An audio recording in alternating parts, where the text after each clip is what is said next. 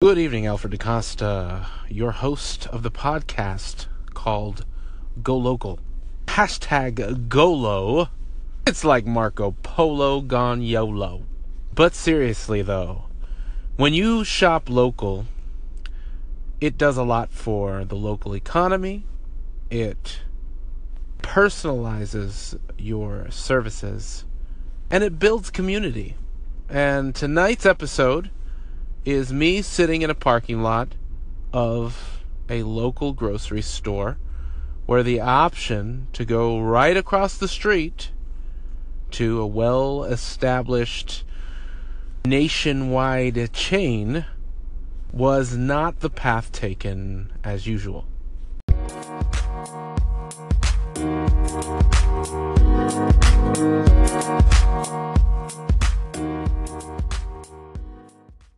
I'm sitting in the parking lot in front of Fairway, and right across the street from Fairway is Walmart.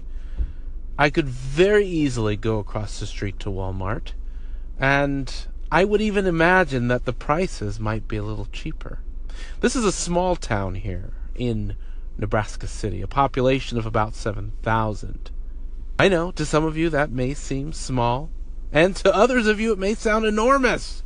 I'm going in for just one simple thing, and what I am hoping to experience is that local community like feeling when I walk in through the doors. So, let's just see what happens.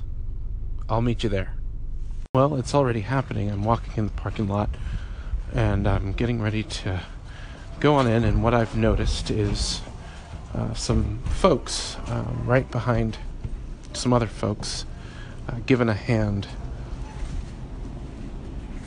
giving a hand by assisting with the groceries out to the car. I am currently in aisle 2 and I am looking for cooking oil.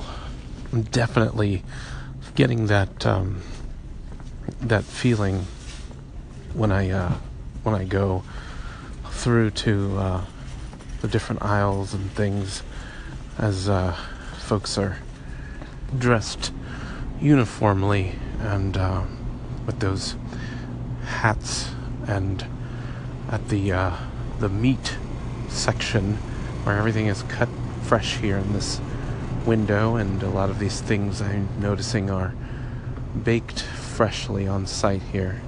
This is precisely what I was looking for. Unfortunately, I have not come for these items. I'm looking for oil, unfortunately. So I'm standing here in the oil aisle, and I know there's many variations and options and preferences, and I'm curious to know what you, how you roll, and if you would uh, give me a call and let me know. Today I had some potato chips fried in avocado oil, which were pretty tasty. I don't know if I would have known the difference if I was blindfolded. But what do you use? I see olive oil here. I see grapeseed oil. I see canola. I see vegetable. I see corn. Which way do you go? Hey, how are you Hi. doing? I'm good, how are you? Doing all right. It's going to be 298 eh?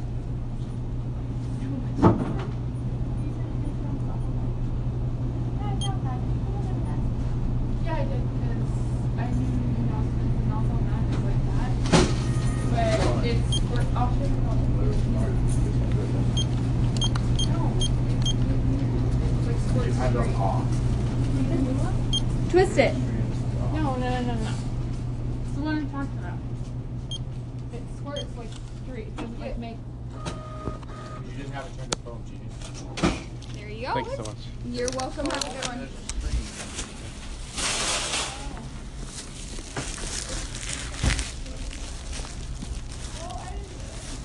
It definitely had that feel. I mean, it had those shiny, glossy, square tiles, and the ceiling had those row lights.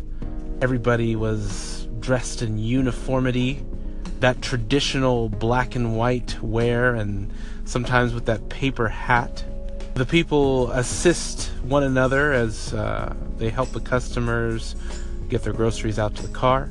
The staff were younger people. It looks like they helped the community by getting them involved and giving them jobs, which I think is a good thing.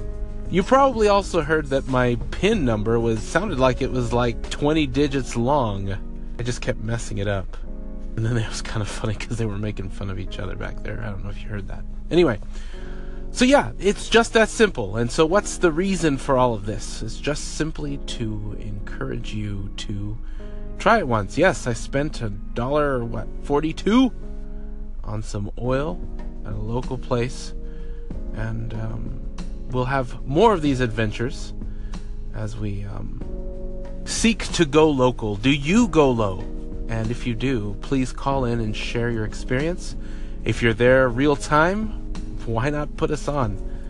For DaCosta, your host to the Go Local podcast. Until next time.